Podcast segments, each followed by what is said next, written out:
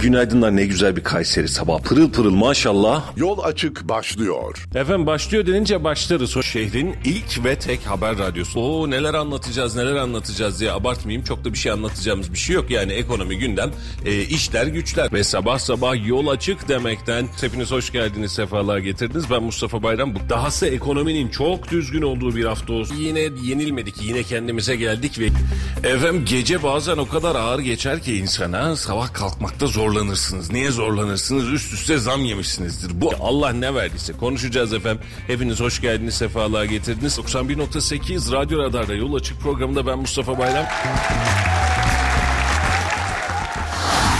Radyo Radar yol açık başlıyor.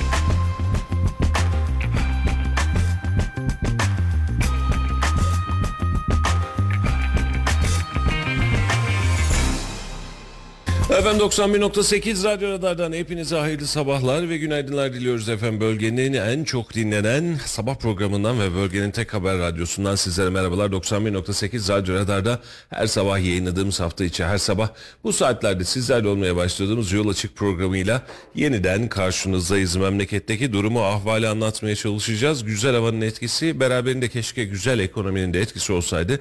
Ama beklentiler doğrultusunda aslında beklentilerin çok fazla dışına çıkmadı. Beklentiler doğrultusunda yine e, benzer mantıktaki bir ekonomi modeliyle karşı karşıya geleceğiz. Ahmet Bey yayınımızda ve hattımızda günaydınlar efendim. Günaydın, günaydınlar efendim. Halil Bey de e, işini halledip gidiyor. Yanlış anlaşılmasın ufak bir. Çok yakında aramızda olacak Halil Bey bekliyoruz. E, o da bizlerle olacak. O gelene kadar şu para piyasasını hafiften bir isterseniz geçelim. Efendim dolar ve euroda çıldırtan fiyatlar başladı. Görülmemiş kampanya var gibi anlatsak herhalde yeridir. E, çok uzun süre 19-19 küsür civarında baskılamış olduğumuz dolar. An itibariyle bankalar arası piyasada dahi 23 lira 32 kuruştan şu an itibariyle satılıyor.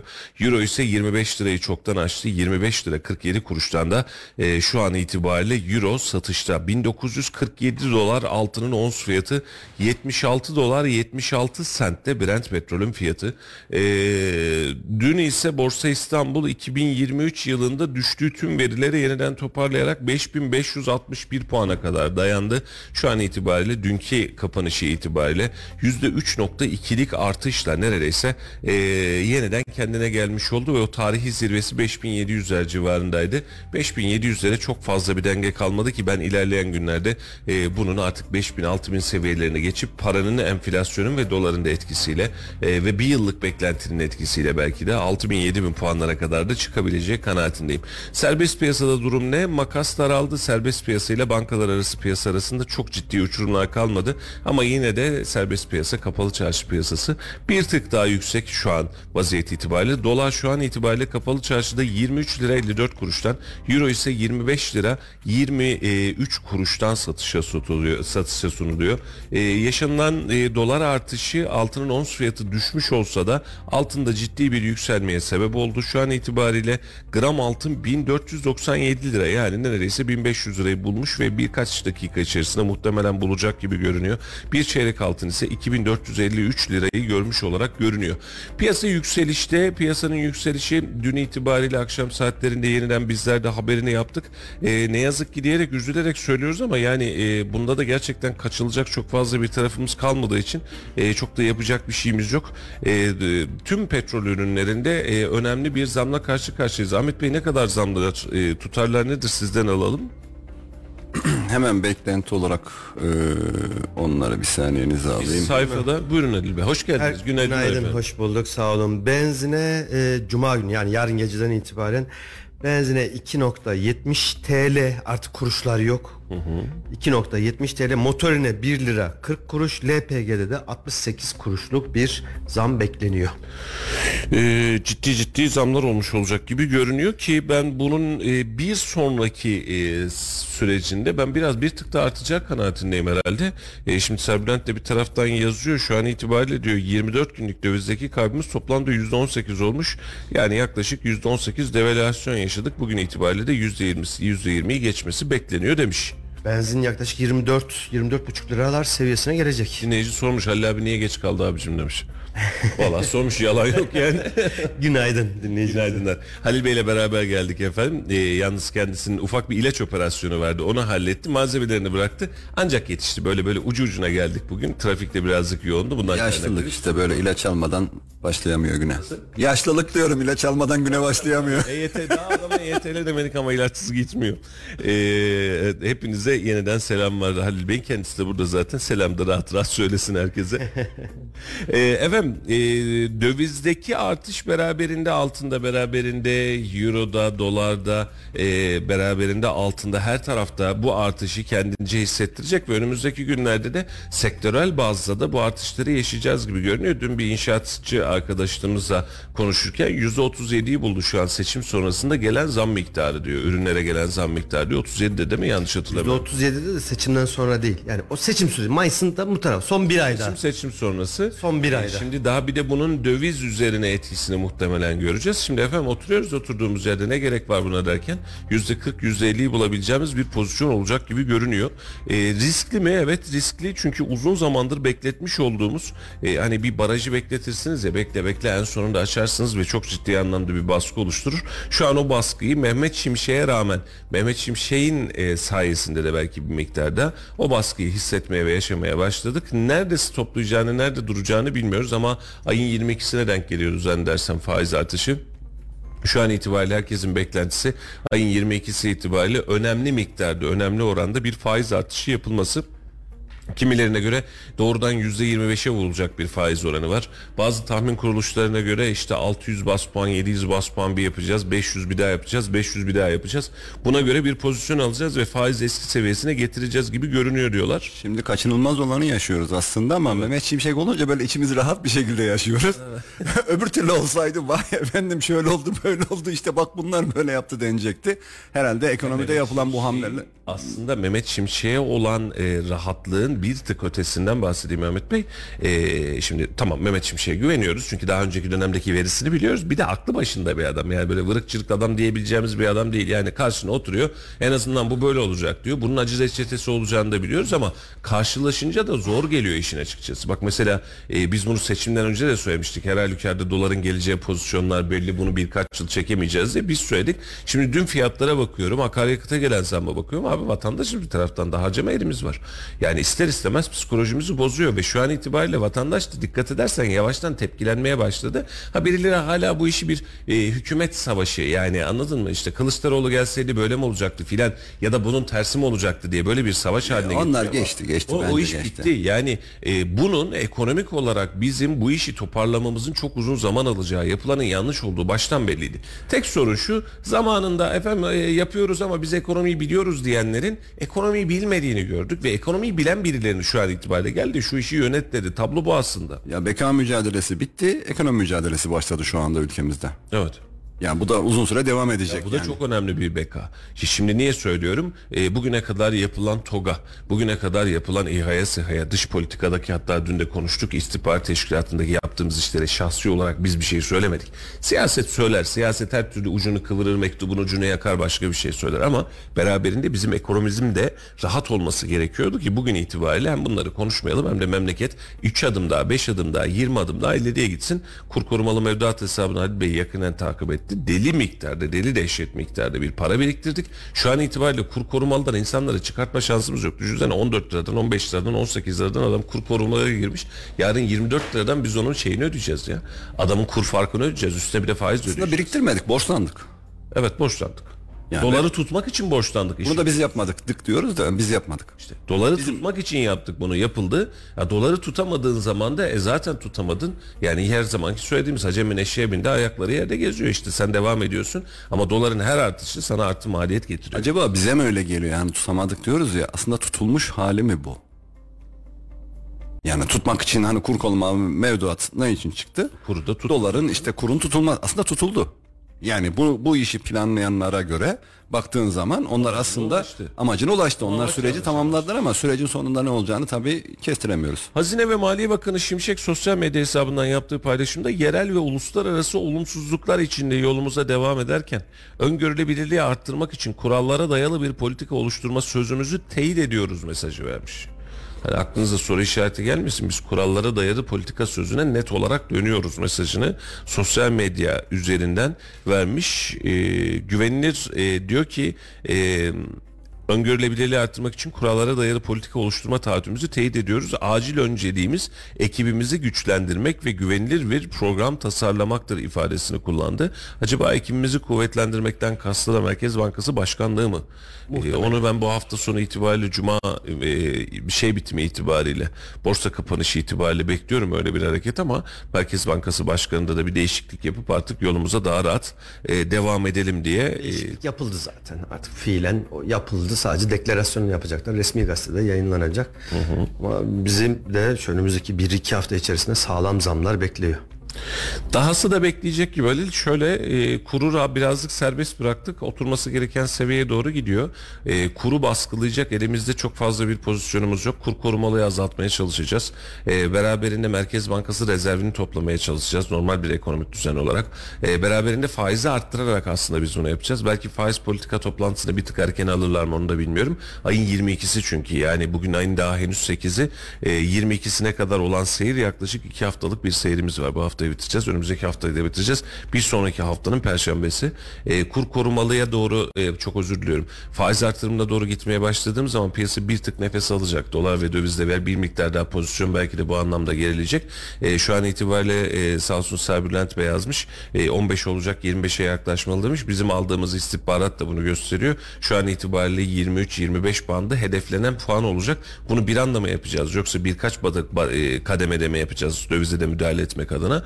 E, bunun kaygısı var. Ama bu ay sonunu görmeden piyasanın normalleşme çabasına da çok fazla girebileceği kanaatinde değilim Ya bu an. ay gurbetçilerimiz gelmeye başlıyorlar zaten yavaş yavaş gelmeye başladılar. Ee, gurbetçiler açısından iyi olacak çünkü daha rahat e, paraları daha kıymetli olarak daha fazla harcama yapabilecekler.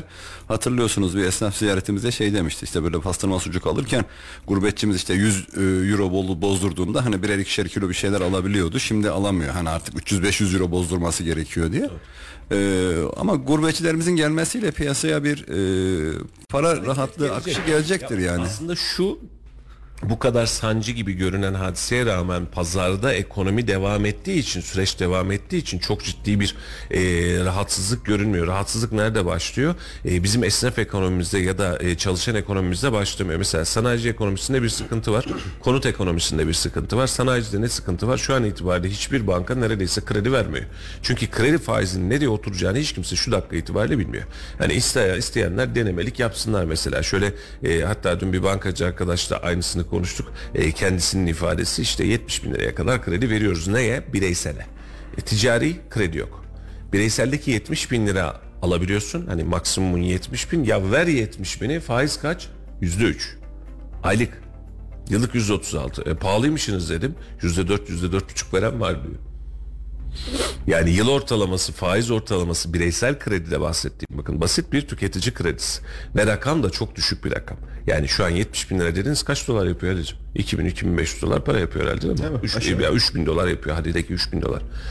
E, Şimdi bu kadarlık bir rakamı ancak sen kredi olarak alabiliyorsun. E dönüyorsun şimdi esnafın normal rutin muhtat ödemesi var. Yok mu? Var. Şimdi sanayici diyor ki mesela abi ihracatı yapmam lazım benim malzeme almam lazım. Çekim vardı çekim ödemem lazım. Yani ucu açık kaldı tahsilatım gelmedi. Ne lazım efendim? Bana 5 milyon kredi gönderir misiniz? Adamın normalde limitinde 100 milyon. Adamın şu an itibariyle ihtiyacı 5 milyon ya da 1 milyon ya da 2 milyon. Bankaya dönüyorsun banka diyor ki veremem. Niye veremiyorsun? Faiz belli değil. Merkez Bankası'ndaki karşılığı belli değil. Hareket edeceğim alan bile belli değil. Bu da ekonomiyi yaklaşık bir aylık süreçte bir e, dur, durağanlık pozisyonuna doğru getirdi. Ya seçimin hemen öncesinde hatırlıyor musunuz? Ee, bu altın piyasası falan şeyin dışına çıkmıştı. Yani o e, Şirazenin dışına. şirazenin dışına çıktı ve tamamen serbeste döndüler. Yani bu kuyumcular odası falan e, serbest piyasaya döndürdüler. İsteyen istediğinden ya. Yani ekran kapattılar. Yani insanlar artık alırken ya da satarken döviz ya da altın alım satımı yaparken ekrandan şu an kaç liraymış değil. O an öyle aralarındaki baremi açtılar. Makası açarak bir işlem yaptılar. Bankalar da aynısını uyguluyor. Yani benim gördüğüm o. Zaten devletin vermiş olduğu işte açıklanan resmi faizlerden değil yüzde üç diyorsun yüzde dört yüzde dört buçuk yani kendini ne kurtarırsa eğer işlem yapmak istiyorsa kafasına göre makas açıp veriyorlar insanlar. Valla gittikçe ona doğru gidecek ama bankalar da onu yapmıyor. Makası artsa da vermiyor şu an itibariyle. Yani ben %5'e razıyım verir misin? Hayır vermiyorum. BDDK'ya bağlı oldukları için çok fazla hareket edemiyorlar ama serbest piyasa bunu yaptı. Yapamıyorlar yani. Onu halle açacağız biz. Onlar da Tefe Bank. Evet Tefe Bank. Onlar da ayın 22'sini bekliyorlar. Ee, faiz kararının ne olacağına dair sabit mi kalacak, ciddi artışlar mı olacak? Çünkü ona göre de bankalar arasındaki faizler belli olacak ve e, bizim Merkez Bankası verilerine göre döviz kuru ile serbest piyasadaki döviz kuru arasındaki makas nasıl arttı, ciddi anlamda artıp şimdi döviz rakamlar yukarı çıkınca aradaki makas azaldı. Benzer şeyler aslında bankalar arası faiz oranları ve reel faizler yani bizim piyasaya gidip ya da bankaya gidip de karşılaştığımız faiz oranlarının arasındaki ciddi farkın azalışını da biz sanırım ayın 22'sindeki Merkez Bankası'nın kararları sonucunda biz bunları daha rahat görebilir hale geleceğiz. Şimdi e, enflasyon faiz sebep sonuç hangisi nedir derken şimdi enflasyonu şey, faizleri artıralım artıralım artıralım tamam. Faizi artırdığımız zaman ne oluyor? Bir, e, insanlar yatırımlarını faize yatırıyorlar. Şimdi olayları dini açıdan yaklaştırmıyorum. Tamamen ekonomik açıdan baktığımız zaman. İki ve önemlisi e, yurt dışından fon şirketlerinin sizin bankalarınıza getirdiği e, döviz mevduat rakamları artıyor. Bizim şu an Güzel faiz veriyorsun çünkü. Tabii güzel faiz veriyorsun. Çünkü fon şirketleri şuna bakar. Tüm dünyada kaç tane ülke var? 200 tane ülke var. Her bir ülkede hangi emtia, tahvil, bono, faiz, mevduat, vadeli, vadesiz hepsine bakar. Dün mesela bir yüksek? haber vardı piyasaları birazcık etkiledi. Finlandiya Varlık Fonu yanlış bilmiyorsam. Çocuklar söylüyordu ben takip edemedim hadiseyi yoldaydım. E, Finlandiya Varlık Fonu çok önemli bir miktarda Borsa İstanbul'a giriş yapmış mesela. Tabii. Şimdi Varlık Fonu Ya düşünsene adam. bir dönem bir dönem şey vardı. Şimdi Halil Bey özür dilerim sözünüzü kesiyorum. Hani insanlar e, birikimlerini işte 3 aylığa, yıllığa yatırırlardı. Herhalde şu anda hiç yatıran kalmadı çünkü aldıkları faiz faiz olmadığı için. Var mı öyle yani Türk lirası olarak işte ben yatırayım onu 3 aylık TL bazında var. TL hala bazında. var. Yani olaylara yani çok yakından tanıdığımız e, kişiler de var. Ciddi miktarda mevduatlar olanlar Değiyor mu? olaylara biraz mu daha sence? dini açıdan yaklaşıp hiçbir şekilde e, ya dövize ya da faize yatırmayanlar da var. Yok değil. Hayır, o, o başka bir şey. Yani Şimdi hiçbir şekilde parasını da kullanmayan bakın, da. bakın sevgili dostlar şu an itibariyle kur korumalı mevduatta ne kadar paramız var? 2.3 trilyon TL. 2.3 trilyon TL faizini verdiğimiz bak nominal faizini verdiğimiz kura karşılığında korumalı yaptığımız iş için biz Diyanet'ten tabiri caizse fetva çıkarttık vakti zamanında kur korumalı mevduat helaldir diye. Şimdi geçtik ikinci levele geçtik kur korumalıyı hadi faizi geçtik vesaireyi geçtik mevduatı geçtik. İnsanlar şu dakika itibariyle piyasada para çevirmiyor. Yapacağı ödemeyi dahi doğru düzgün yapmıyor. Niye? Para altında. Bağlı. Para dövizde. Para bağlı. borsada. Para araçta, arabada, evde, arsada para bağlı. Şu an piyasadaki para dönüşü azaldı. Ve şu dakika itibariyle şöyle düşünün. Yani şimdi cebindeki 5 bin lira 10 bin lira için dahi 40 defa hesap yapan. E, ekmeği 50 kuruş 1 lira daha aşağı alacağım diye yarım saat sıra bekleyen bir toplumuz biz. Doğru mu? Marketten poşet almayan toplumuz. Şimdi bu topluma sen diyorsun ki mesela ay sonunda senin ödemen var ya da bugün itibariyle ödemen var. Ne kadar? 1 milyon lira. Şimdi bugün mü ödesen? Ay sonunda mı ödesen? Abi bu dolarda kalsa var ya şu olurdu şimdiye kadar. Bunun hesabını faciti kim çevirmiyor? Herkes çeviriyor. E şimdi bu hesabın içerisinde yaparken normal ödemeler dengesi de değişiyor. Mesela adam gidecek bugün itibariyle kendisine bir şey alacak. Konut sektörü. Bak yarın bir gün fiyatlar çıldıracak ve şu an itibariyle konut sektöründe muhtemel itibariyle diye söylüyorum. Bilerek söylemiyorum. Muhtemel itibariyle yaprak kıpırdamıyor. Şu dövizin artışıyla beraber hareketlilik başladıysa başlamıştır. Niye? E para bağlı. Ya benim almam için kredinin açık olması lazım ya da paramın boşta olması lazım. Kredi kapalı, param bağlı. Nasıl alayım ben bunu? Ve yani şu konuştuğumuz hadise yani yüzde 18 yüzde 20 civarında döviz artmış ki ben bir bu kadar daha artabileceği ka- kanaatindeyim. Bir yatırım tavsiyesi değildir. E şimdi yüzde 30 yüzde 40 arttırdıktan sonra bunun enflasyona dönüşü olacak. Piyasaya dönüşü olacak. Asgari ücrete dönüşü olacak. Her şeye dönüşü olacak. Biz bugün itibariyle ne kadarmış bu araç? Aa 2 milyon yazmışlar da sıfırını bulamıyoruz. O araca 3 milyon yazacak. 4 milyon yazacak. Şimdi gel de bul hadi. E fiyat artışı yani yeniden bir fırsat makası oluşacak. Ne zamana kadar? Piyasa normalleşip ne kadar dolar kardeşim? 30 lira misal. İki ay sonra ne olur bir dolar? 30 lira olur. Dediğimiz gün biz bu işin içinden çıkarız. Doğru mu? Asıl normalleşmemiz o zaman ve özellikle ay sonu itibariyle bankaların e, yeniden kredi musluklarını açtığı zaman bunu yapacağız. Yoksa işte faize mi yatırdın, ona mı yatırdın, buna mı yatırdın? Kur korumalıdaki hadisemiz ve kapasitemiz belli. Nasıl çıkacaksan çık işin içinden.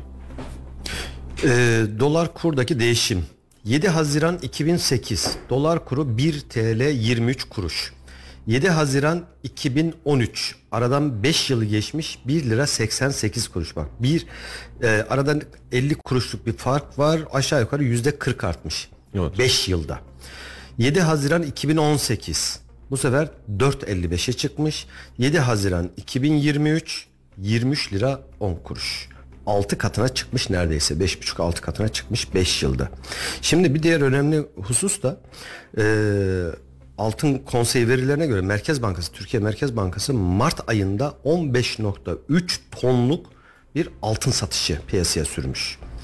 Ee, Nisan ayında da henüz Mayıs rakamları açıklanmadı. Nisan ayında da 80.8 ton altın satmış. Dünyanın en büyük altın rezervlerine sahip ülkelerden biriydik Merkez Bankası anlamında ve yaklaşık 580-600 tona yakın bir e, altın rezervimiz vardı. Ciddi rakamlar. Ha, e, Amerika Birleşik Devletleri'nde bu rakam kaç? 8,5 ton. Not. 8500 ton özür dilerim. Virgülü yanlış attım. 8500 ton. İşte ondan sonra İngiltere, Hindistan ve Rusya geliyor. Onlar da 4 e, bin ton civarlarında. Ha bizim 600 tonluk bir rakamımız bile dünyanın geri kalanına göre ciddi rakamlar yapıyor. Ama şimdi ne oldu? 500 tonun altına düştü. Şimdi bu altın nereye gitti? Tekrar Piyasaya. döviz olarak piyasaya tekrar sürüldü. Şimdi biraz önceki konu yarım kaldı. Faiz artınca ne oluyor? E, faizler arttığı zaman e, mevduat hesaplarında bir artış oluyor. Yatırımlar birazcık azalıyor. Yatırımlar e, daha böyle vadeli mevduatlara kaydığı zaman yatırım miktarları birlikte piyasada genel anlamda bir satın alma davranışının azalmasını, talebin azalmasını görüyoruz. Talebin azalması ne demek? Enflasyonun geriye doğru gitmesi demek. Yani artış hızının azalması anlamına geliyor. Yüzde elli ise sen bunu 30'a çekersin. 30 ise 20'ye, 20 ise 10'a çekersin. Ama e, işte onun da riski var. Fazla arttırdığınız zaman şimdi Amerika'da Fed'in özellikle bas bas bağırdığı artık yeter faizleri artırmayın bak resesyona giriyoruz. Fazla artırırsanız bu sefer de habire artış artış enflasyonu kontrol altına alacağız diye o artışların sonucunda da resesyona yani durağanlığa üretimde durağanlığa geçme riski var.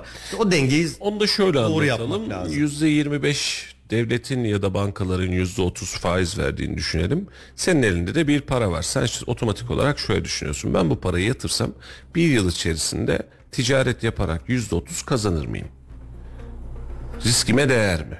Tabii. Değerse tamam yapayım o zaman. Bak %50 kazanıyorum, %100 kazanıyorum dersen bu işin içine giriyorsun. Ama %30'dan az kazanacağını düşünüyorsan ben kendi başımı niye artırayım canım? Yatırırım bankaya %30'umu versin. 1 milyon param var düşünsene. Ticaret yapacaksın, fabrika kursan kuramazsın, imalathane açsan açamazsın. Mal alayım satayım desen hepsine aklın yetmiyor. Abi hangisiyle burada- uğraşacağım diyor. Atıyor 1 milyonu, seneye 1 milyon 300 oluyor zaten diyor. En azından kendimi koruyorum diyor. Şimdi burada bu ne, nelere mal olacak? Bir, konut satışlarının azalmasına neden olacak. İki, otomobil satışlarının e, bu kadar talep görmesinin önüne geçecek. Şu an otomobil alanların birçoğu yatırım amacıyla alıyor. Tabii canım. Ben diyor, Küçük bir- altın alıyor gibi alıyor Şu an otomobili. e, C segment bir araba ortalama 1 milyon seviyesinde. Ben diyor 1 milyonu alırım diyor. Bir sene sonra diyor 1,5 milyon. 1 milyon 300. Bir de bu, bağlıyor. bu yatırım için alanlar garaj arabası olarak alıyor değil mi bunları? Tabii canım. Yani, Yani, bizim gibi bir tane araba alıp ona binenler yani ihtiyacını gören insanlar değil bunlar. Sarı sayfalara girin efendim. Kilometre kısmına 6001 yazın. Ne kadar sıfır araç varsa görürsünüz. Sıfır kilometrede caizse satmak yasak. zibil gibi araba var. 6001. 6000 kilometreye geçmesi gerekiyor. senin 6001 satışın kilo. için. Onu ne yapıyorlar? 6001 Çekici yazıyor. sırtında götürüyorlar o zaman bir yere. 6000 kilometreyi de ayarlattırıyorlar. Yok yok ayarlatmana gerek yok. Şöyle notere gidiyorsun ya. Noter diyor ki arabanın kilometresi. Ha beyan alıyor zaten. Doğru doğru noter ki, noter 6000 senin beyanını alıyor. Yani 6001. Senden sonra alan zaten hareket ettirecekse bir 6000 kilometrede yapsın yani. Bir daha satana kadar diyor. Zaten normalde 2 ay 2 ayda 3 ayda maksimum zaten o kilometreleri Ya da örnek veriyorum notere gittin sen efendim dedin ki benim araba 6000 değilmiş efendim ben satış yapacağım ya sana. E, 3000 kilometre efendim diyor geçen sefer 6000 beyan ettiniz yanlışınız var düzeltin diyor. Sıkıntı yok. Yani yine Hacem'in eşeğe bindi yani çok bir şey fark etmiyor. Ali Hoca'ya okuttuk da olur. Güzel tedbir almışız ya 6000 Gidip de kilometre. noterde hadi bakayım göreyim şu arabanın kilometresine bakayım demiyor ki. Bunu sadece muayenede gördürüyorsun. Sıfır bir araç aldığında da muayenesi ilk muayenesi 3 yıl sonra. Ya onu da ne yapıyorlar Mustafa? O kadar basit yöntemler var ki arabayı arkası arkadan çekişliyse arkadan, önden çekişliyse önden Kaldırıyor. kaldırıyorlar arabayı krikoyunun üzerine olduğu yerde çalıştırıyorlar. Tüm tüm hileleri söyleme Allah'ını seversen atıyorlar. ya. Ya. bunu herkes biliyor. Olduğu yerde arabayı döndürüyor, döndürüyor. iki günde, üç günde zaten o kilometreleri yapıyor. Hadi bak her şeyde gerçek. Bence yakıt bence, şimdi yakıt yakması lazım onun için. Bence şey bağlıyorlardır bir de buna matkap bağlıyorlardır. Matkapla çeviriyorlardır tekeri. Ucuza mı ayrılsın diye. Arabanın çalışıyor olması. Bayır aşağı sallıyorlar. Yine EQ'ye işlemesi lazım onu. Bu, bu- e, e, piyasa bir şekliyle oturacak sevgili dostlar. Yani ben çok umutsuz, çok güvensiz, ne olacak acaba filan diyecek durumda değilim. Piyasa bir şekilde oturacak. Ben böyle düşünüyorum. Mehmet Şimşek yönetimi de bunu yapacak. Önümüzdeki dönemde de Türkiye zaten daha önceki dönemde de çığırtkanlık yapanlar için de aynısını söylemiştik. Bu ülke batmaz. Ama sıkıntısını acı çekeceğiz. Ve önümüzdeki bir buçuk iki yıl boyunca çekeceğimiz sıkıntının faturası eşittir. Mehmet Şimşek yönetimi, yeni yönetim, yeniden seçtik bundan dolayı değildir geçtiğimiz iki yılda yapmış olduğumuz politikanın sonucunu şu an itibariyle düşünsene ya komple kabuk değiştiriyorsun. Ve bambaşka bir yere gidiyorsun. Yani böyle atıyorum Akdeniz'e doğru Mersin'e doğru iniyorduk vazgeçtik. Şimdi yeniden İstanbul'a doğru çıkmaya çalışıyoruz. Ya ne yapıyorduk? Efendim boşa gitmişiz. Şimdi gittiğin yolu geri alacaksın. Bunun zararını ödeyeceksin. Maliyetini ödeyeceksin. Başa döneceksin. E, evet toparlayacağız ülkeyi eninde sonunda ama geçtiğimiz iki yıl boyunca iki yıl oldu değil mi ya bu kur korumalı mevduat Çok, vesaire. çok zor ya. Düşünsene buradan çıktık ofisten arabaya bindik ofiste bir şey unuttuk. O içeriye girip o odaya çıkmak var ya ne kadar insanın zoruna gidiyor. ya da evden Yaşlıdın da ya bir şey ev- evden çıktın yani evde bir şey unutmuşsun bir yere gideceksin. Tekrar e, işte kapıyı aç asansöre bin eve çık insana böyle şey geliyor zül geliyor biliyor musun? Niye unuttum ben bunu falan filan diyorsun. Ağrına gidiyor. Bu hatadan Ben geri dönmüyorum. bu hatadan bu hatadan ben ısrarla bu noktadayım. Bu hatadan bizim çok önemli bir ders çıkartmamız lazım. Yani e, net söylüyorum ülke bir politika değişikliğine gidecekse bir şey yapmaya çalışıyorsa uzmanların, ekonomistlerin gerçekten bir şura adı altında gerekirse toplanmalı. Bir çalıştay olarak toplanmalı. Bunu konuşabilmeli. Gerçekten bilen insanlar bunu tartışabilmeli. Şimdi bilmeyen insanların elinde bir şey yapmaya çalıştığınızda düşünsenize ben çok güçlüyüm. E, ve diyorum ki bak bu tasarım çok güzel oldu. Ben bundan sonra böyle gideceğim diyorsun ve hatta bunu da onaya falan da sunmuyorsun. Birileri sana bunu söylediğinde onları vatan hainiyle falan suçluyorsun. Abi leş gibi bir şeyle gidiyoruz işte. Yani Hmm, Mustafa Bey ben ona çok fazla katılmıyorum. Neden biliyor musun? Hani Şu bilen insanlar kısmı var ya ona katılmıyorum. Şimdi televizyon kanallarını açıyorsun. Koca koca title'lar adamın yani ismi 3 satır sürüyor. Öyle bir özellikler almış ki bir tanesi tam tersini savunuyor. Bir tanesi bir başka kanal açıyorsun. Mevcut sistemin müthiş arkasında. Abi ikisi de bilen adamlar yani öyle bir title'ları var. değil. Şimdi orada şunu kaçırıyoruz Ahmet Bey. Zaten söyleyeceğim Yani- nokta da burası. Şimdi İlber Ortaylı'yı, Murat Bardakçı'yı, Yusuf Halaçoğlu'nu misal olarak veriyorum. Tarih konusunda konuşturursanız güvenir misiniz? Güveniriz. Şimdi adam tarihçi. Adamın işi bu. Doğru mu? Ve adam artık ordinaryüs seviyesine gelmiş. Aşmış kendini yani. Hani bu adama sen bile isteye böyle tehdit yalan filan söyletemezsin yani. Bir, bir, bir inanmadığı bir şey söyletemezsin. Şimdi ekonomist diye ortaya çıkarttın insanların. Bak şimdi çok güzel bir şey söyledin. Televizyon kanallarında bu tiplerden var. Ee, hükümet ne yaparsa yapsın doğru olduğunu savunmak için kendisine kapsam arayan aslında ve en sonunda da işi sizin bilmediğiniz şeyler var kıvamına yaslayan bir pelikan diyebileceğimiz bir grup var. Yani ne olursa olsun durum ona. Ya anlatıyorsun anlatıyorsun hayır diyor siz öyle diyorsunuz ama o durum öyle değil. Ya kardeşim doğru ya doğru yanlış yanlış. AK Parti'nin seçim şarkısı neydi? Hatırlamıyorum. Doğruya doğru yanlışa yanlıştı doğruya doğru. Doğru mu? Bak bir iki ay boyunca bunu dinledik. Ya bunu de doğruya doğru de. Ve bizim bilim adamı dediğimiz gazeteci dediğimiz insanların da omurgası olacak. Bir şey söylüyorsun ortaya eleştiriyorsun arkasında da durabileceksin. Bunu yapamayacağın zaman da mümkünse bu mesleği yapmayacaksın. Şimdi, medya ne yapıyor işi? Şimdi ben medya olarak ne taraftayım? Şu taraftayım. Diyor ki öbür taraftan şimdi adam gelirse bu adam bombalar burayı. Şimdi bunun karşısına ne koymak lazım? Bunu hiç çıkartmayalım. Ahmet sen bunun tersini söyler misin? Söylerim. Gel. Ben seni ünlü yapacağım gel. Bak nasıl güzel. Her şey ne kadar güllük gülistanlık. Şimdi nasıl ki biz anket firmalarını seçim öncesi bizi manipüle eden anket firmaları vardı ya. Şu an itibariyle notlarımızı aldık mı? Aldık. Bu anket firmaları ne yaptığıyla alakalı notlarımızı aldık mı? Aldık. Şimdi bu böyle car car konuşan ekonomi konusunda vesaire konusunda car car konuşan arkadaşlarına bir zahmet notunu alın. Seçim seçim bitince partiler ve süreçler cadavına başlar ya. Sen benim hakkımda böyle diyordun gel bakayım derler ya. Şimdi cadavına böyle başlamayın tam tersinden başlayın. Sizin doğru bildiğinizi yanlış olduğunu size anlatan ve sonucu yanlış çıkan insanlara karşı bir saygı ve hürmetiniz olsun. Kardeşim kusuruma bakma sen hakkını yemişiz deyin. Ama dönüyoruz e, ve hala aynı noktada var. Şimdi sayfada e, yakıt indiriminin, yakıt zammının vesaire zammının altındaki yorumlara bir tane bir bak. Bizim sayfada özellikle bir bak. %70 Kayseri çıkmış. Kayseri'den e, reisi oy çıkmış. Şimdi işi tamamen siyasete bindirmişler. Başka bir dünyada gidiyor. Ya bunun siyasette filan bir alakası yok. Ekonominin siyasette yok. Ekonominin duygusallığı da yok. Dini de yok. Paranın dini var mı? Paranın dini iman olmaz ya. Bildiği Aynı politikanın, içindeyiz ya. Hah, bildiği politikanın üzerinde gider. Doğru yaparsan yaparsın, yanlış yaparsan yaparsın ve iş sonucunu alırsın. Ve kur alırsın, veriyi alırsın, dünya politikasını alırsın. Allah göstermesin. Şimdi bak bu kadar hadiseden bahsediyoruz. Pat diye yarın bir gün Allah göstermesin Rabbim esirgesin. Pat diye bir savaşın içinde buldun kendini. O zaman kuru konuşabilecek misin? Mesela biz e, şu 6 Şubat'ta tap diye depremin içinde bulduk kendimizi doğru mu? Neyi konuştuk? Son iki gündür yine ufak ufak Malatya bölgesinde şeyde Dün Adana vardı herhalde. Gece bir düşmüş 4.4 falan diyordu ama sonucu ne bilmiyorum. yani Bak bu gelince ortaya biz ekonomi konuşmuyoruz. İşte karnımız ağrıyor, böbreğimiz şurada filan diye bakmıyoruz. Yani bu başka bir felaket ama var olanı da doğru bildiğimizi de doğru yönetimlerle, liyakatli insanlarla bizim bu işi çözmemiz lazım. Ee, ricamız da bu. Söylenen eleştirilerlere karşı tüm kulaklarınızı kapatıp e, her sen ne söylersen söyle yanlıştır diyerek bakmamak lazım. İşi politize etmeden memleket menfaatine konuşmak lazım. Evet geçti. Bir Mehmet Şimşek dönemi yaşayacağız. Yeni bir ekonomik model dönemi yaşayacağız. Bunun acı reçetesini bakın çok acı acı ödeyeceğiz. Bunu herkes bilsin. Ama bu reçeteyi ödemekten başka da bir çaremiz yoktu. Kemal Kılıçdaroğlu da gelse de ödeyecektik doğru mu?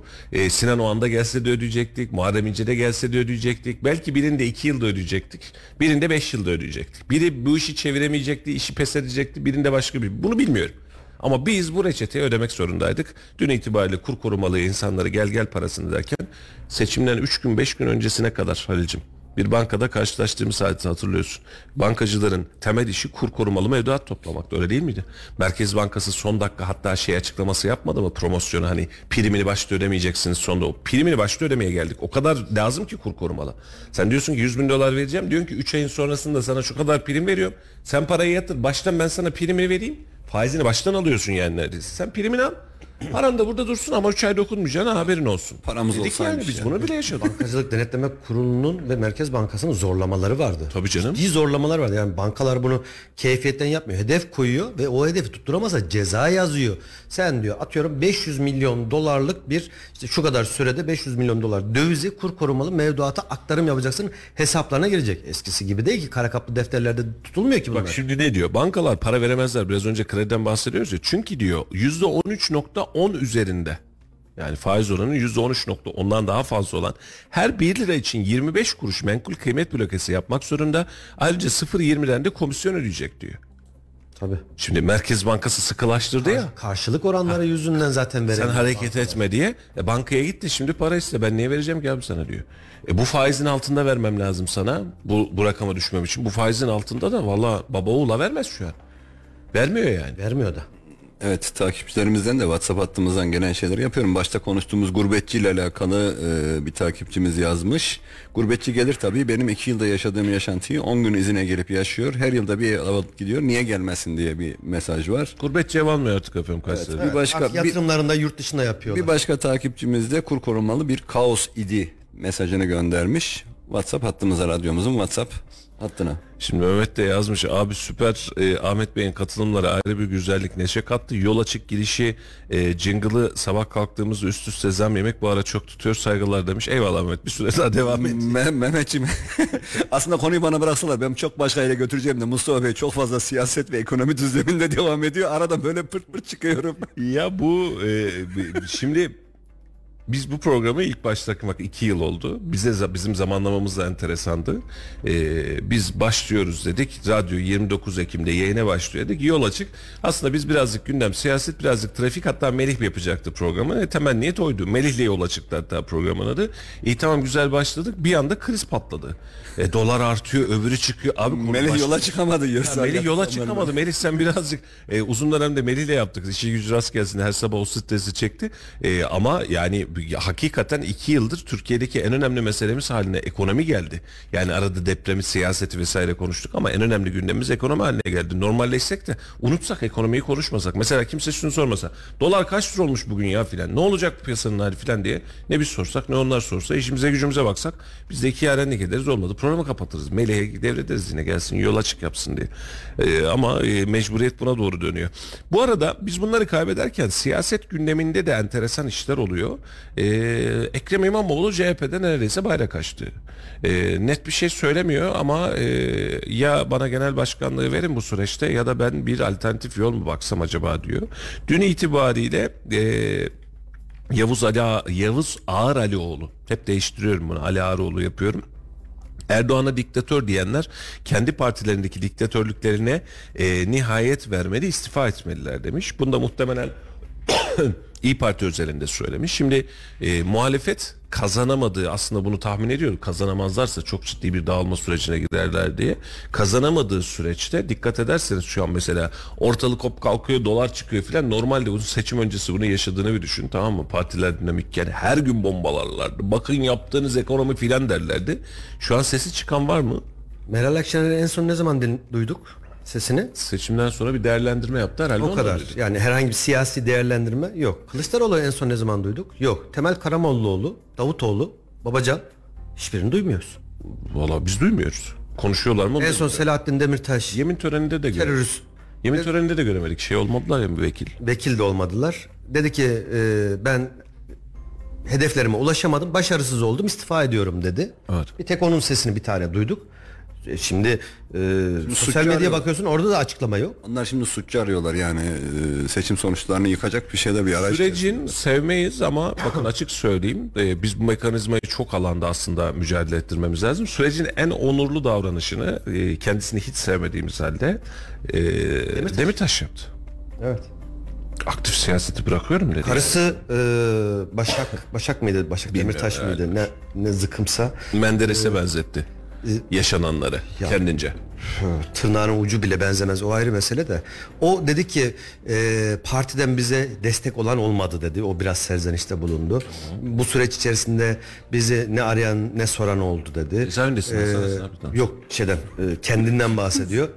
Arıyorum arıyorum bakmıyorsun. Asılmasıyla alakalı, idamla alakalı söylemlerde hiçbiri bizim yanımızda durmadı derken o da e, HDP yani şimdi artık adı değişti ama Yeşil Sol'a. E, Yeşil Sol e, oldu ama hala bizim için HDP, HADEP, Kandil'i suçladı diye. ÖDP bilmem ne. E, o birkaç açıklama yaptı ama biz şimdi bir baktık CHP'de tüm MYK istifa etti. Evet. E, Kılıçdaroğlu'nun dışında kimse kalmadı. Şimdi yeni MYK'yı da kim seçti? Yine Kılıçdaroğlu'nun kendisi seçti. Seçilen MYK'da böyle çok nitelikli bir süreç yok Aynen. açıkçası. Kurultay sürecine gidecekler. Olağanüstü kurultay talebi vardı. Hem e, Gürsel Tekin'in hem İmamoğlu'nun biliyorsun. Ama normal bir kurultay süreci vardı. İşte seçimden önce mi sonra mı muhabbetiyle beraber. E, şimdi öyle bir şey ki sen seni seçme e, fiiliyatı içine girecek olanları sen seçiyorsun Mustafa. O kısır bir döngü. Bak ben dönüşüm yaptım. Bak e, MYK'yı topladım, onu değiştirdim, bunu değiştirdim, şunu yaptım diyorsun. Sonra genel başkanı seçecek olan kişileri sen seçiyorsun tekrar. Tabii canım. E, kurultayda e, o zaman senin karşına kim çıkarsa çıksın. Kim kazanır? Ya şimdi oradaki delege yapısı birazcık farklı ama partilerin e, ben mesela şu, şu anlamda e, şu fikirdeyim. E, özellikle CHP üzerinde CHP Türkiye'nin en yıllanmış partisi şu an itibariyle. Doğru mu? En eski partisi. E, şimdi çok önemli bir CHP'li isimle biz bunu konuşurken ki bu bahsettiğim herhalde iki seçim öncesi filandı. Dedim ki abi bu CHP nasıl düzelir? Kendisi de CHP'li. Ee, çok önemli bir görevdeydi hatta o dönem. Ee, dedi ki Mustafa CHP düzelmez. Çünkü bizim katranlaşmış, örümcek ağ tutmuş, kurumsallaşmış bir yapımız var. Bir şey değiştirmek için teşkilatı full değiştirmen lazım. Delege yapısına inmen lazım. Tüzüğe bakman lazım. Yani e, ne yapacaksınız? Yeni bir parti kurmak çok çok daha kolay dedi. Şimdi ben hakikaten bu anlamda siyasi partilerin özellikle bu tür yapılanmalar sebebiyle bazen tarih çöplüğünde yerini alması gerektiği kanaatindeyim. Bunu CHP özel. Şimdi şu kutsiyetle bakıp da işte efendim CHP Atatürk'ün partisi diye bakabilirsiniz. Ama kazın ayağı öyle değil. Şimdi şöyle düşün. Kayseri'de CHP'nin misal olarak veriyorum 10 bin tane delegesi var. Şimdi yarın bir gün sen il başkanı ya da genel başkanı seçmek için bu 10 bin delegeyle hareket edeceksin. Abi delege sistemi zaten Türkiye'de fiilen çökmüş durumda. Mesela bunu en son İyi Parti'nin Kayseri temayülünde gördük. Kayseri'de hiç alakası olmayan, Kayseri'de adını bilmediğimiz bir adam birden listenin neredeyse birinci sırasına çıkacaktı. ikinci sırasına geldi. Ve listenin üçüncü sırasından da milletvekili adayı konuldu. Abi o sistemin de bug'ını bulmuşlar işte. Ha, açığını bulmuşlar. tabii. Şimdi ya bunun kanununu değiştireceğiz ya siyasi partileri şu yapıdan lağvedeceğiz. Hani lağvettikten sonra da senin üye ve delege yapılandırma işini aynı mantığa getirirsen 5 yıl sonra 8 yıl ya İYİ Parti kaç yıllık bir parti? 5-6 yıllık. 5-6 yıllık partide delege problemi yaşıyorsun. Yani birileri üye yazmış. Ya bu kadar üye yazdın. Basit özellik mesela Sarız tarafından çok fazla orada özellikle o bölgeyi çok kullanırlar. Sarız tarafından çok fazla delegem var. CHP'nin de zamanında aynısını yaşamıştık. Çetin Arık'ın temel yoklaması böyle gelmişti mesela. O günü çok çok iyi hatırlıyorum. Çetin Arık birinci çıktı. Ya nasıl oldu? Yazmış da yazmış, yazmış da yazmış. Üyeler yazılmış. Çetin Arık birinci sırada. Çetin Arık birinci sırada milletvekili oldu. Çetin Arık nerede? Sarız'da. En çok vekil şey nereden yazılmış? Delege nereden yazılmış? Sarız'da. Yani o zaman için rakamı hatırlamıyorum şu an afaki olmasın. 3000 4000 tane delege vardı herhalde. Sarız milletvekili. Ha, Sarız milletvekili gibi düşün. Sonucunu söyleyeyim ben size. Seçim oldu. Çetin Arık da birinci sıradan milletvekili adayı. Şimdi ne bekliyorsun? Bu kadar delege var, bu kadar tutkun. Doğru mu? Sarız'dan CHP'nin otomatik olarak birinci parti çıkması lazım. CHP o seçimde Sarız'dan dördüncü parti çıktı. HDP'nin altında kalarak dördüncü parti çıktı. Bu dönemde. Bunu bunu genel merkezleri görmüyor mu ya? Görmüyor. Görse de bir şey yapamıyor.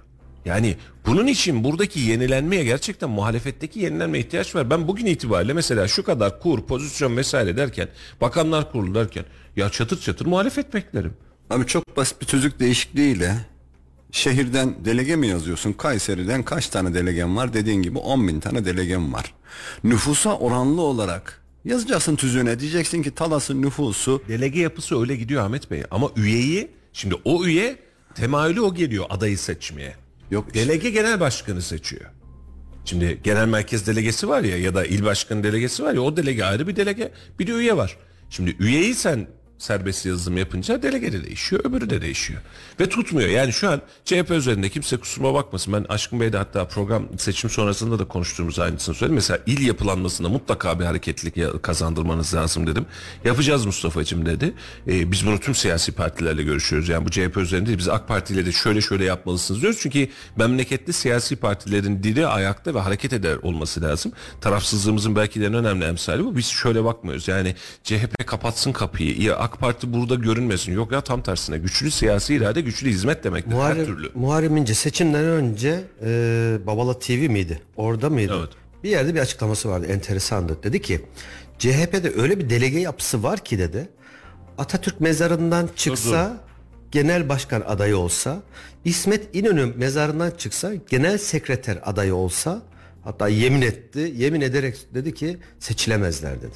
Böyle bir delege yapısı vardı.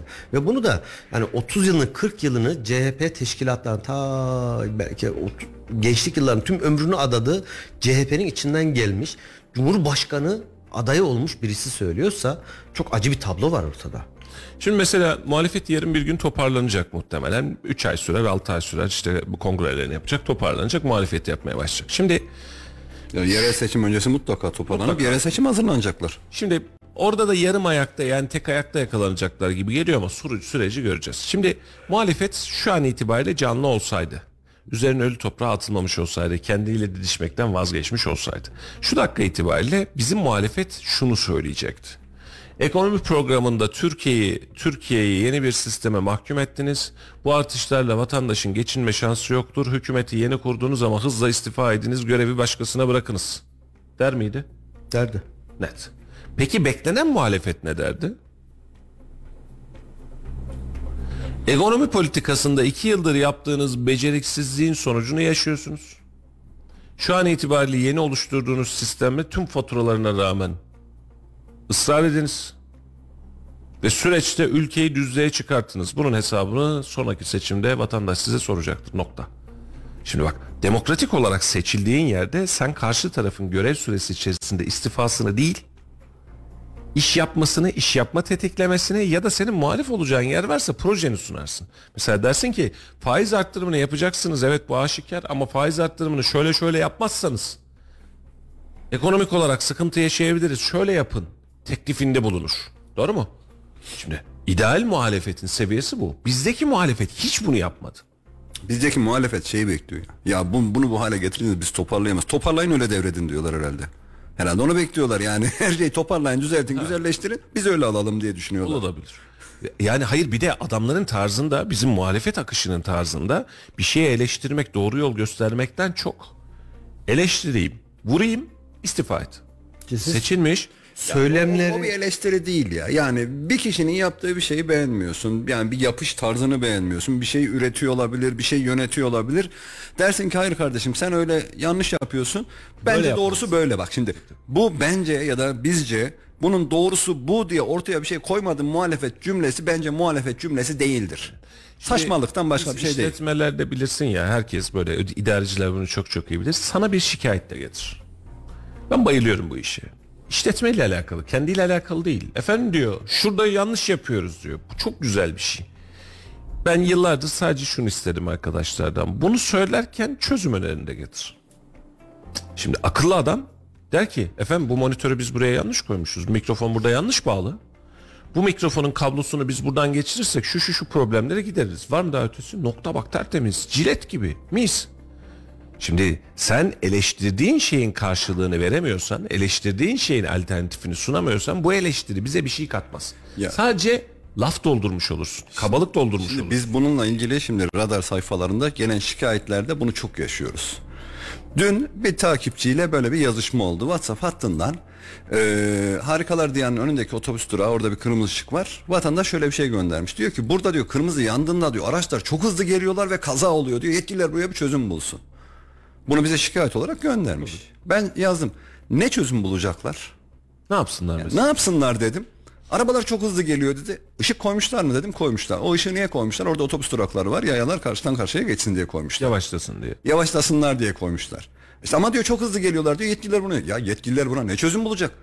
Yani vatandaş orada yavaş gelecek. İşte burada diyor şey gözükmüyor diyor. ışık gözükmüyor diyor. Çok hızlı geliyor. Ya oranın hız limiti 70.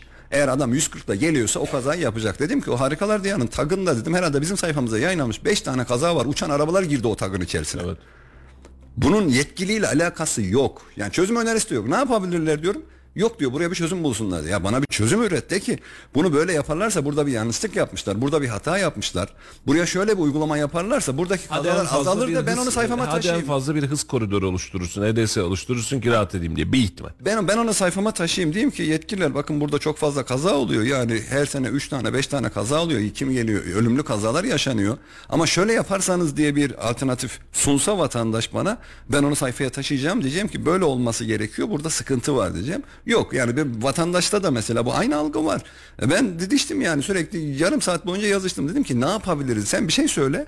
Ahmet şöyle olması boşuna gerekiyor. gelmiş. O kadar yarım saat vermez süre kimseye normalde ama boşuna geldi. Canı sıkılıyordu. Ya tuhafıma gitti. Yani e, bununla biz yıllardır uğraşıyoruz ya şimdi muhalefet de aynı şeyi yapıyor. Bu yanlış. E, ne yapılacak? Doğrusunu görelim. Ee, zaten bunu yapmadığımız için de tek e, mono e, tek sesli bir politika çıktı. Bunun e, muhalefet aklı başında bu işi yapamadığı için ki bunu biz bunu seçim sonrası konuşmuyoruz sevgili dostlar. Seçim öncesinde de biz bunu çok fazla konuştuk. Muhalefet işini doğru düzgün yapamadığı için e, sen şu an ülkeyi yönetene diktatör diyebilecek kıvama kadar geldin. E, geçenlerde bir tanesi ilginç bir değerlendirme yapmış Halil bayıldım ona. Tayyip Erdoğan'ın diyor en başarılı dönemi bak en başarılı dönemi birçok cephede mücadele ettiği dönem diyor. Muhalefet var. Basında muhalefet var. Dış politikada muhalefet var. Ve Tayyip Erdoğan sistemi ve kendi ayaklarının üzerinde durmak için hem daha nitelikli hem daha sert hem de çok, çok daha düzgün hareketler yaptı. Ama son döneme bakacak olursanız diyor karşısında olmayan bir muhalefet onu tek başına tek adamlığa, tek adamlığa doğru götürdü diyor. Katılırsın katılmazsın bilmem ama tespit bir anlamda doğru. Sen dinamiklerinle varsın. Muhalefet kaliteliyse varsın. Hakikaten kaliteli muhalefet lazım. Şimdi maça çıkıyorsun abi karşında e, kündesini bile alamayacağın adam var. Yani bu maç olmuyor. O zaman maç keyfi de kalmıyor. Kimse ya biraz daha idman yapayım filan diye düşünmüyor. Zaten bir bir yetenek yok. Ya Halil Bey'in uzmanlık alanından hemen bu konuda soralım. Eğer araba üreticileri birden fazla olmasaydı şu an bindiğimiz arabalar neye benzerdi Halil? Lada. Benim arabaya benzerdi. Murat 131 94 kasam model. Yok şimdi biraz önce şey yapınca fiyatlara baktım. Ya aldığımız 92 model Lada araba. Yani burada herkes duysun. Şu anda e, aktif olarak kullandığım araç. Kendi şahsi kullandığım araç. Yet- İnce aracı tabii bunu da belirtelim de adam fakir zannetmesin. Yok ya öyle dedi. Şimdi 75 bin lira O- ya kendi kendime dedim ki ya 10 bin lira etmeyecek bir civata yığını yani e, motor falan açtığı zaman kabloları takip edip tamir edebileceğim bir araba. Şimdi biraz önce baktım 100 bin liranın altında kalmam. Yuh dedim ya. O bile uçtu. O zaman 75 etmeyen araba bence şu anda 100 etmez. Ama e, inanılmaz bir şeye gelmiş yani fiyatta. Şimdi e, bir şunla beraber Kayseri üzerine de gidelim diyorum ama Kayseri'de çok aksiyon yok. Bugün e, yarın itibariyle Mehmet Özteseki belediye başkanlarıyla beraber e, bir toplantı yapacak diye biliyorum. Programına henüz erişmedim. E, bugün itibariyle de Memduh Büyükkılıç köprülere e, Sayın Bakanım hoş geldiniz diye bir yazı astırmış. Bir bakan karşılaması, güzellemesi yapmış.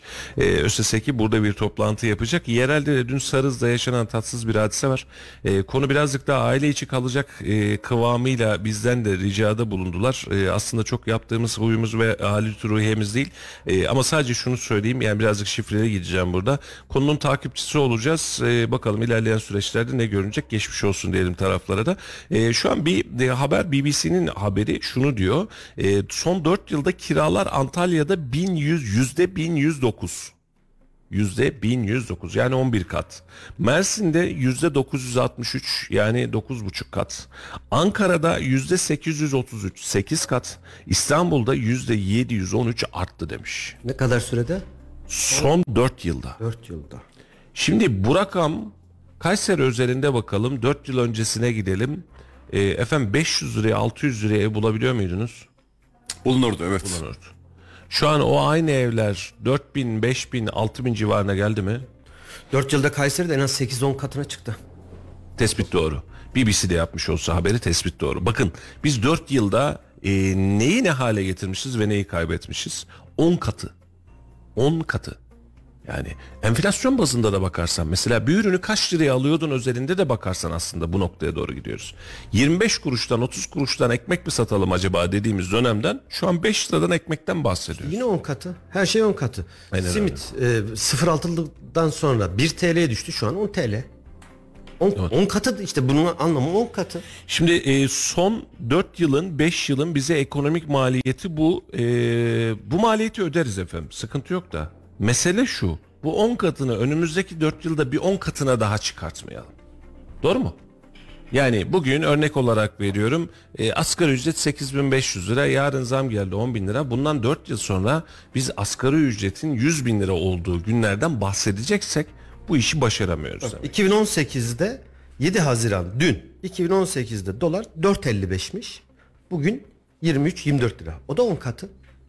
Her şey 10 katı. 5 katı. 4 nasıl 24 10 kat Nasıl oluyor yaptım ben o hesabı ya? 5'e katlamış.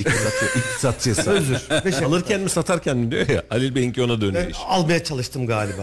5'e katlamış o da. 5 yılda 5'e katlamış. Ama son 10 yıla O da baktığımızda... doları baskıladığımız için öyle. Baskılamasaydık daha rahat ederdik. Hani herhalde. bak 2013'te de yani tam 10 sene önce de 1.88. 10 katına daha fazla. 15 katına çıkmış neredeyse. Evet. Ee, mesele şu bundan sonraki 4 yılda 5 yılda 1 yılda 2 yılda belli bir ritim yakalayıp normalleşmemiz ekonomiyi konuşmamamız dileğiyle diyelim efendim. Ee, bugün de yayının sonuna gelmiş olacağız. Laf sokakta neyimiz var Ahmet Beyciğim? Vatandaşlara yatırım yapabiliyor musunuz diye Ama sormuşuz. son cümle olarak bir şey söyleyeyim mi? Yerelde sabah Mustafa Bey'le gelirken de yine oradan geçtik konuştuk. Kartal kavşağına artık kalıcı bir çözüm bulunması gerekiyor. Bundan 4-5 sene önce oraya tabelalar asıldı. Ya da kaç yıl oldu? 7-8 yıl mı oldu Mustafa? Tam hatırlamıyorum. Bir Abi şey geç geç alt- geliyorsunuz. Bakın alt ben geçit- gelirken ben de aynı yoldan geliyorum. Kartal Kavşağı'nın Talas Tamam, bulvarından. altısında geçersek sağ orada taraf- biz Ee, yoğunluğu yok. Mustafa Kemal Paşa'ya dönüyorum. Hiç ışık beklemiyorum. Işık yok bekleyenler.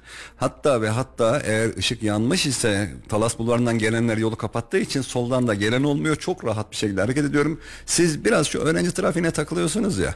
Ben ondan bir 15 dakika önce geçiyorum ve çok rahat geçiyorum. Yine de Kartal Kavşağımız sana problem değil de herkese genel itibariyle Organize yönü de ciddi anlamda da Kartal yoğun. Kavşağı'nda ve bizim önemli kavşaklarımızda bizim yolla alakalı ve altyapıyla alakalı problemlerimiz var. Halil sana katılıyorum. Muhtemelen Memduh Başkan'ın yeni dönemine ya da başkan değişecekse yeni gelen başkanın yeni döneminde proje olarak ortaya çıkmalı. Hızla yapılmalı. Çevre Şehircilik Bakanı da hazır Kayseri'deyken Kendimize böyle bir eser bırakalım. Oraya kocaman millet bahçesi yaparken oraya da bir kelebekli mi yapacağız? Katlı mı yapacağız? Ne yapacaksak bir kavşağı yapıp Hulusi Akar'dan gelenin, Moto Caddesi'nden gelenin OSB'ye hiç ışıksız cilet gibi geçmesini sağlamamız O lazım. Talas Bulvarı'nın tam ortasında o işte Millet Bahçesi'nin girişi var. Öbür tarafta girişi var. Oralar ciddi anlamda trafik problemi olacak.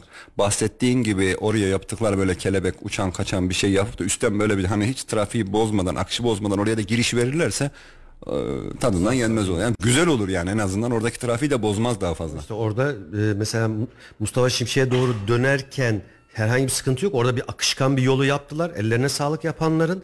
Ama organize istikametine gittiğin anda Kartal kavşağını çözdüğün anda şehitliğin diğer kavşağı. Sonrasında eski Yılmaz Akansu Koleji'nin çok öbür büyük tarafı. bir pro- projeyle çözmek lazım. Büyük Yani mesela işte işte Akansu Koleji'nin önünden gidebileceğin noktaya da bir alt geçitte artık oraya geçirmen lazım. Şehri oradan taşıyorsun. Yani bir şekilde toparla bunu ki vatandaş rahat hareket etsin. Ya mezarlığa doğru giderken zaten Battal Gazi tarafına doğru giderken zaten zırt pırt ışıkların da var yani. Ya, ya da eğer eğer olmuyorsa artık bize bir Melih Gökçek tarzı bir adam lazım. 30 günde 40 günde alt geçitler üst geçitler yaptı Ankara'da. Millet deli mi filan diyordu. Melih Gökçek'i gerçekten sevmem. Özellikle emekliliği sonrasında hiç sevemiyorum. Yani aç, açıklamaları ve duruşunu hiç sevemiyorum. Ama belediye başkanlığı dönemine dönecek olacak olursak bakın tüm eleştirileri Anka Park eleştirisi vırt ne derseniz deyin. Adam ilk 5-8-10 yılında Ankara'nın trafiğini doğru mu? Çok Çözdü. net rahatlattı. Çözdü. Yani Ankara'ya gidip de trafik ışığı beklediğiniz yer çok azdır. Ee, bize bunun için bu ufukta bir şey lazım. Ankara'dan kötü müyüz? Ee, bir tık kötüyüz de çok da kötü olmamız gerekmiyor. Yani Konya'da bile problem çözülmüş çoğunlukla. Gittiğimiz zaman öyle görüyoruz. Sız koridorları, yollar, alt geçitler, üst geçitler.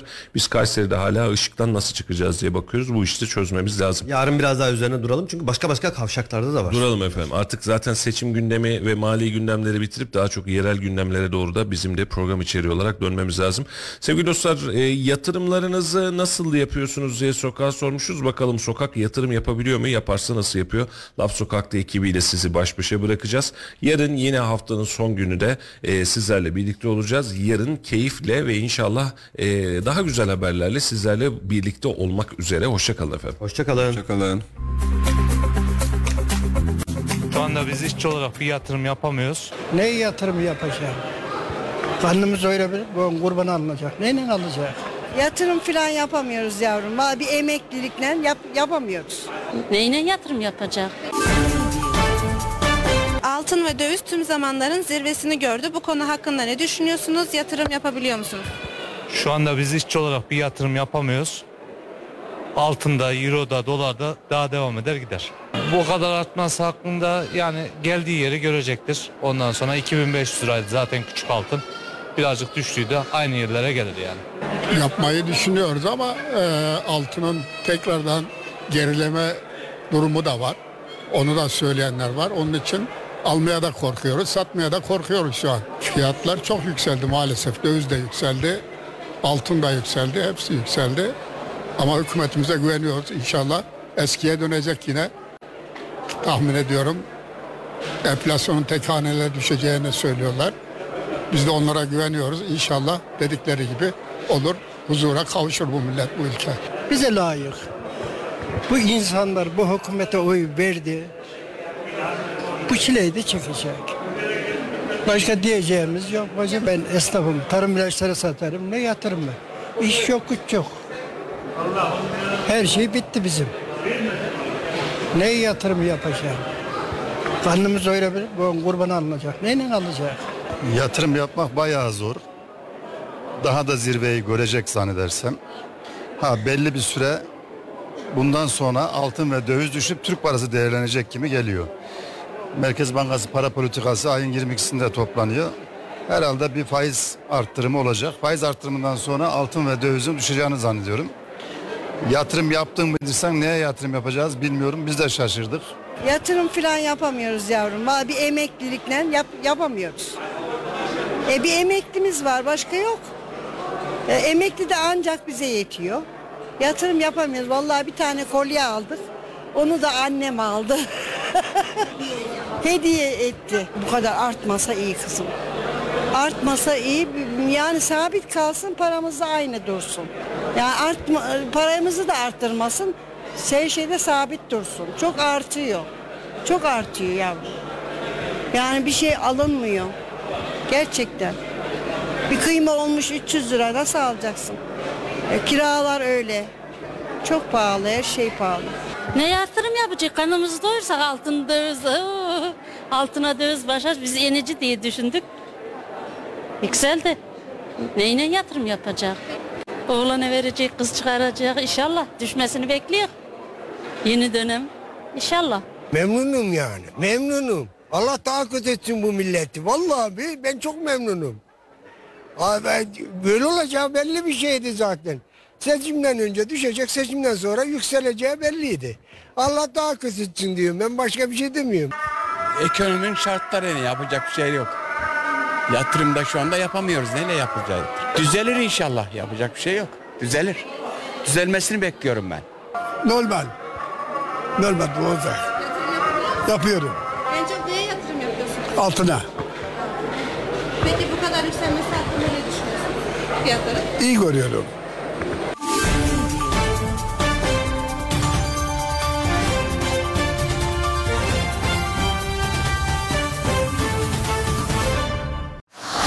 Radyo Radar yol açık sona erdi.